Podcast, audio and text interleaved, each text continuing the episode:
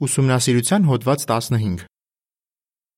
Այս հոդվածը կուսումնասիրվի հունիսի 6-ից 12-ն ընկած ժամանակահատվածում։ Օրինակ եղիր խոսելու մեջ։ Բնաբան. Դու օրինակ եղիր հավատարիմների համար խոսելու մեջ։ Առաջին Տիմոթեոս 4:12 Երկ 90 Քաջալերենք միմյանց։ Այս հոդվածում Եհովան մեզ հիանալի նվեր է տվել՝ խոսելու պարգևը։ Ցավոք, մարդկանց մեծամասնությունը այս պարգևը չի օգտագործում այնպես, ինչպես Եհովան էր նպատակադրել։ Ինչ կարող ենք անել, որ այս չար աշխարհում, որտեղ բարոյական արժեքները գնալով անկում են ապրում, մեր խոսքը լինի մաքուր եւ բարերար ազդեցություն ունենա ուրիշների վրա։ Ինչպես կարող ենք մեր խոսքով հաճեցնել Եհովային ծառայության ժամանակ, ժողովի հանդիպումներին եւ ուրիշների հետ զրույցներում։ Հոդվածից կիմանանք այս հարցերի պատասխանները։ Բարբերություն 1 Հարց. Ո՞վ է մարդկանց խոսելու ունակություն տվել։ Խոսելու ունակությունը թանկ պարգև է մեր սիրառատ Աստծուց։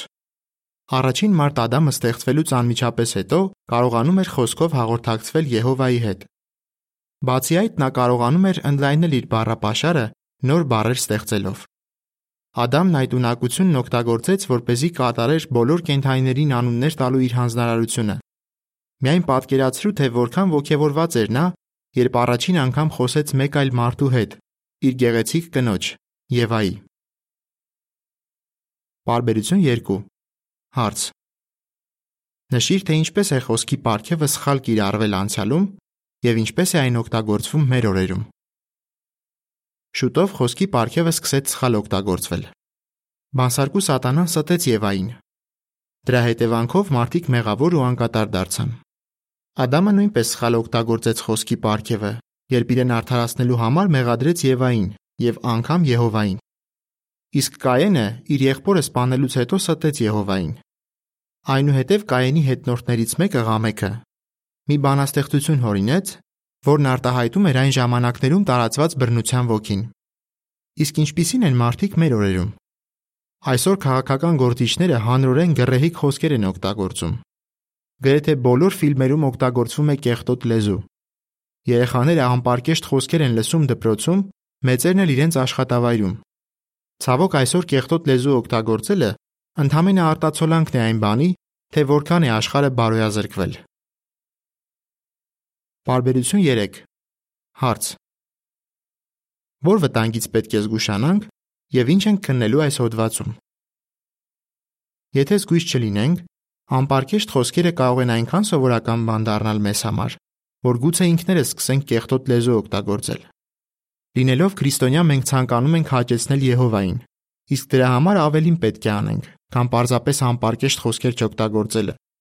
Մենք ուզում ենք ճիշտ օգտագործել խոսքի հիանալի պարգևը, այսինքն դրանով փառք բերել մեր Աստծուն։ Հոդվածից կիմանանք, թե ինչպես կարող ենք դա անել։ Առաջին՝ ծառայության ժամանակ, երկրորդ՝ ժողովի հանդիպումներին եւ երրորդ՝ մեր առօրյա զրույցներում։ Բայց նախ եկեք տեսնենք ինչու է Եհովայի համար կարևոր, թե ինչ ենք խոսում։ Եհովայի համար կարևոր է, թե ինչ ենք խոսում։ Բարբերություն 4 Հարց. Ըստ Մաղաքիա 3:16-ի, ինչու է Եհովայի համար կարևոր թե ինչ ենք խոսում։ Կարդանք Մաղաքիա 3:16-ը։ Այդ ժամանակ Եհովայից վախեցողները խոսում էին իրար հետ։ Յուրաքանչյուրն իր ընկերոջ հետ, իսկ Եհովան ուրախadir լսում էր։ Եվ նրա առաջ հիշատակի գիրք էր գրվում Եհովայից վախեցողների ու նրա անվան շուրջ խորհրդածողների մասին։ Քո կարծիքով ինչու է Եհովան հիշատակի գրքում գրում նրանց անունները, ովքեր իրենց խոսքերով ցույց են տալիս, որ վախենում են նրանից եւ խորհում նրա անվան շուրջ։ Քանի որ մեր խոսքերից երևում է, թե ինչ կա մեր սրտում։ Հիսուսն ասաց. Սրտի լիությունից է բերանը խոսում։ Մատթեոս 12:34 Այն թե ինչի մասին ենք խոսում, ցույց է տալիս, թե որքան շատ ենք սիրում Եհովային իսկ նա ուզում է, որ իրեն սիրողները հավիտյան վայելեն կյանքը նոր աշխարհում։ Բարբերություն 5 Հարց Ա. Ինչպես են մեր խոսքերը ազդում Աստծուն մատուցվող մեր երկրպագության վրա։ Հարց Բ. Ինչպես պատկերված է նկարում։ ինչից պետք է խուսափենք, եթե ցանկանում ենք, որ մեր խոսքերը հաճելի լինեն Եհովային։ Մեր խոսելաձևը մեծ դեր ունի այն հարցում, Եհովան կընդունի մեր երկրպագությունը, թե ոչ։ Աստուն չսիրող մարդկանցից ոմանք խոսում են ագրեսիվ կերպով, կոպտորեն եւ մեծամտաբար։ Անշուշտ մենք չենք ցանկանում նմանվել նրանց։ Մենք ուզում ենք, որ մեր խոսքը հաճելի լինի Աստծուն։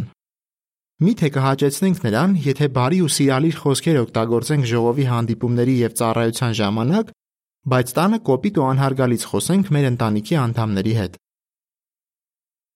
Նկար։ Բարբերություն 4-ից 5։ Եղբայրը կոպտորեն է պատասխանում բարկացած բնակչին։ Եղբայրը սրտանց չի երգում ժողովի հանդիպման ժամանակ։ Քույրը բամբասում է։ Նկարի մակագրություն։ Խոսքերդ ինչ են բացահայտում քո սրտում եղածի մասին։ Բարբերություն 6։ Հարց. Քիմբերլիի խոսելաձևը ինչ արդյունքներ բերեց։ Երբ խոսքի ապարքևը ճիշտ ենք օգտագործում, ցույց ենք տալիս, որ Եհովայի ծառաներն ենք։ Այդպես օգնում ենք մեզ շրջապատող մարդկանց հստակ տեսնել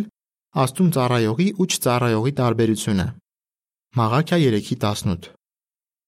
Քննենք Քիմբերլի անունով մի քրոջ օրինակը։ Երբ նա սովորում էր ավագ դպրոցում, նրան հանձնարարել էին իր դասընկերուհու հետ աշխատել մի նախագծի վրա։ Միասին աշխատելու ընթացքում դասընկերուհին նկատեց, որ Քիմբերլին տարբերվում է մյուսներից։ Ուրիշների հետևից չի խոսում, սիրալիր ու բարեհամբույր է եւ գրեհիկ բառեր չի օգտագործում։ Քիմբերլիի դասընկերուհուն դա շատ տպավորեց, եւ նա ի վերջո համաձայնվեց Աստվածաշունչ ուսումնասիրել։ Պատկերացրու, թե որքան է ուրախանում Եհովան, երբ մարդիկ մեր խոսելաձևից տպավորված հետաքրքրվում են ճշմարտությամբ։ Բարբերություն 7 Հարց. Ինչպես ես ցանկանում օգտագործել խոսքի պարգևը։ Բոլորս էլ ցանկանում ենք այնպես օգտագործել խոսքի պարգևը, որ փառք բերենք Եհովային եւ մտերմանանք մեր հավատակիցների հետ։ Ոստի եկեք տեսնենք, թե գործնականում ինչ կարող ենք անել, որ เป զի օրինակ լինենք խոսելու մեջ։ Օրինակ եղիր ծառայության մեջ։ Բարբերություն 8 Հարց. Հիսուսը ինչ օրինակ է թողել ծառայության մեջ խոսքի ապարքևը ճիշտ օգտագործելու հարցում։ Երբ քեզ փորձում են հունից հանել, խոսիր բարությամբ եւ հարգանքով։ Մարդիկ Հիսուսի մասին ասում էին, թե նա հարբեցող է, որ գրամոլ, դևերի կողմից է, խախտում է շափաթի օրենքը եւ նույնիսկ հայհոյում է Աստծուն։ Բայց Հիսուսը մարդկանց վատ վերաբերմունքին բարկությամբ չէր արձագանքում։ Նմանապես, երբ մարդիկ մեզ հետ կոպտորեն են խոսում, մենք չպետք է նրանց նույն կերպ պատասխանենք։ Ինչ խոսք նման իրավիճակում ինքնատիրապետում դրսևորելը այդքան էլ հեշտ չէ։ Տեսնենք, թե ինչը կարող է օգնել մեզ։ Բարբերություն 9 Հարց. Ինչը կօգնի մեզ ծառայության մեջ հսկել մեր լեզուն։ Երբ ծառայության ժամանակ տանտերը կոպտորեն է խոսում քեզ հետ, սրտիդ մոտիկ մի ընդունիր։ Սեմ անունով մի եղբայր ասում է. Ես փորձում եմ կենտրոնանալ այն բանի վրա, որ տանտերը ճշմարտությունը լսելու կարիք ունի եւ որ նա կարող է փոխվել։ Երբեմն բնակիչը բարկացած է լինում զուտ այն պատճառով, որ անհարմար ժամի ենք եկել։ Երբ ծառայության ժամանակ հանդիպում ենք ինչ-որ մեկի, ով բարկացած է, կարող ենք վարվել այնպես, ինչպես Լուսիա անունով մի քույր է վարվում։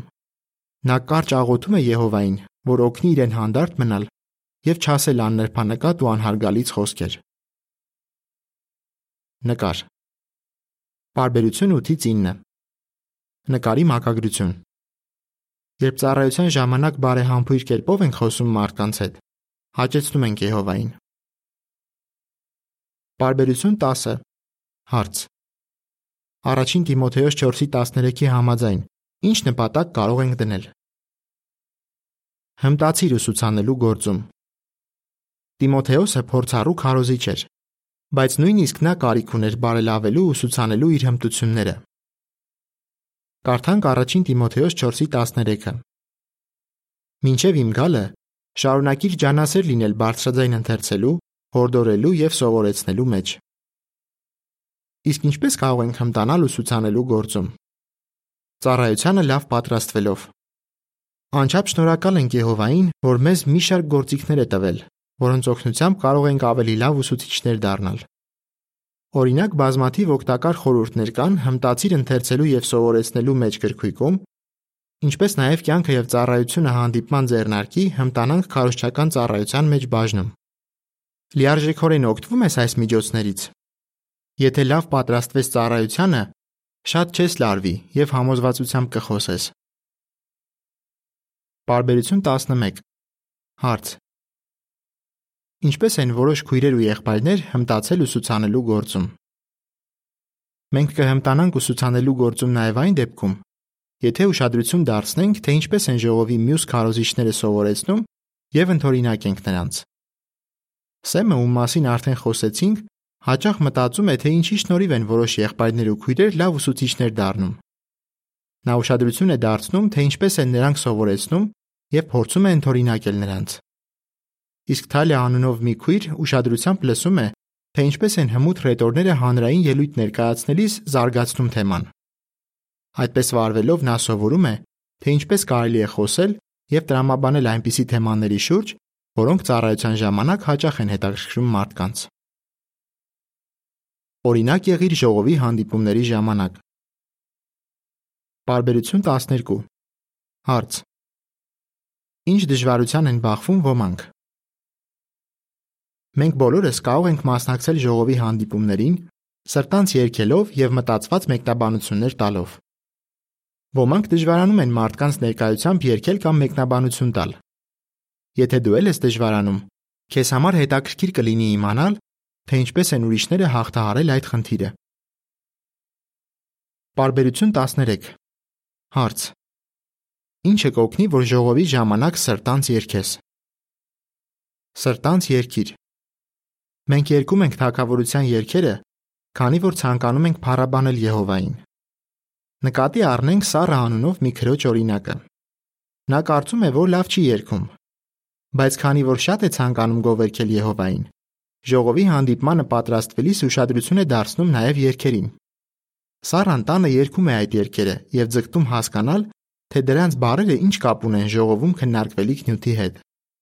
Նա ասում է. Դա օգնում է, որ կենտրոնանամ ոչ թե երգեցողության վրա, այլ երգի բառերի։ Նկար։ Բարբերություն 12-ից 13։ Նկարի մակագրություն։ Հանդիպումների ժամանակ սրտանց երգելով փառաբանում ենք Եհովային։ Բարբերություն 14։ Հարց.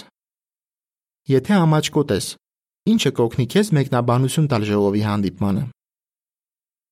Կանոնավորաբար մեկնաբանություններ տուր։ Ոմանց համար սա իսկական փորձություն է։ Թալիան, ում մասին արդեն խոսեցինք, ասում է. Ես սոցիալական ֆոբիա ունեմ, բայց քանի որ ձայնս բնականից հանգիստ է, ուրիշները դա չեն նկատում։ Մարդկանց ներկայությամբ խոսելիս չափազանց լարվում եմ, ուստի ժողովին մեկնաբանություն տալը ինձ համար շատ դժվար է։ Այնուամենայնիվ դա Թալիային հետ չի պահում մեկնաբանություն տալուց։ Ժողովի հանդիպումներին պատրաստվելիս նա ինքն իրեն հիշեցնում է, որ հարցից հետո տրվող առաջին պատասխանը պետք է լինի կարճ ու կոնկրետ։ Նա ասում է. Նորմալ է, եթե իմ մեկնաբանությունը լինի կարճ, པարզ եւ պատասխանի բուն հարցին։ Չէ՞ որ հանդիպումն անցկացնողը հենց այդպիսի պատասխան է ակնկալում։ Բարբերություն 15 Հարց. Ինչ պետք է հիշենք մեկնաբանություններ տալու վերաբերյալ։ Նույնիսկ այն քրիստոնյաները, ովքեր ամաչկոտ չեն, երբեմն դժվարանում են մեկնաբանություն տալ։ Ինչու՞։ Ջուլիետ անունով մի քույր ասում է. Երբեմն վարանում եմ մեկնաբանություն տալ, քանի որ մտածում եմ, թե ասելիքս չափազանց པարզ է ու այդքան էլ բովանդակալից չէ։ Հիշիր, որ Եհովան ուզում է մեր հնարավորությունների սահմաններում լավագույնն անենք։ Մեկնաբանենք այնպես, ինչպես կարող ենք։ Նա ուրախանում է, տեսնելով, որ վճռական ենք հանդիպումների ժամանակ փառաբանելու իրեն եւ թույլ չտալու, որ մեր վախերը մեզ հետ պահեն այդպես վարվելուց։ Օրինակ եղիր առօրյա զրույցներում։ Բարբերություն 16։ Հարց. Ինչպիսի խոսքերից պետք է խուսափենք։ Խուսափիր ամեն տեսակ վիրավորական խոսքից։ Քրիստոնյայի բերանից չպետք է կեղտոտ խոսքեր դուրս գան։ Սակայն կան վիրավորական խոսքի թաքնված ձևեր, որոնցից նույնպես հարկավոր է հեռու մնալ։ Օրինակ պետք է զգույշ լինենք, որ ուրիշ մշակույթի, ցեղի կամ ազգի պատկանող մարդկանց մասին վատ բաներ չասենք։ Բացի այդ, մենք չենք ցանկանա վիրավորել որևէ մեկին կծու ակնարկներ անելով։ Մի եղբայր ասում է. Երբեմն կծու հեգնական ակնարկներ էի անում եւ մտածում, թե դրանք ծիծաղաշարժ են ու անվնաս։ Բայց իրականում դրանք ցավ էին պատճառում մարդկանց։ Կինս տարիների ընթացքում շատ է օգնել ինձ, որ փոխվեմ։ Երբ ես ինչ-որ անհամ բան էի ասում եւ դրանով վիրավորում նրան կամ ուրիշներին, նա ինձ հետ առանձին խոսում էր այդ մասին։ Բարբերություն 17 Հարց. Եփեսացիներ 4:29-ի համաձայն Ինչ պետք է անենք, որ մեր խոսքերը դրականորեն ազդեն ուրիշների վրա։ Թող քո խոսքերը ուրիշների վրա դրական ազդեցություն ունենան։ Դժգոհելու եւ քննադատելու փոխարեն ձգտիր գովել մարդկանց։ Կարդանք Եփեսացիներ 4:29-ը։ Թող ոչ մի նեխած խոսք դուրս չգա ձեր բերանից, այլ միայն բարի խոսք, հարկ եղած դեպքում կերտելու համար, որ เป զի օգուտ բերի լսողներին։ Իսրայելացիները երախտագետ լինելու շատ պատճառներ ունեին, բայց նրանք հաճախակի դժգոհում էին։ Տրտունջի ոգին վարակիչ է։ Հիշենք, որ 10 հետախույզների բացասական խոսքերի պատճառով Իսրայելի բոլոր որդիները սկսեցին տրտնջալ Մովսեսի դեմ։ Թվեր 13:31-ից 14-ի 4։ Սակայն Գովեստի խոսքերը մեծ ուժ ունեն եւ կարող են դրական ազդեցություն թողնել մյուսների վրա։ Օրինակ Գովեստի խոսքերը, որ Հեփթայի աղջիկը ստացավ իր ընկերուհիներից, մեծապես օգնեցին նրան կարճած մնալ իր նշանակմանը։ Սարան, ում մասին արդեն խոսեցինք, ասում է. Երբ գովում ենք մյուսներին, նրանք զգում են, որ Եհովան սիրում է իրենց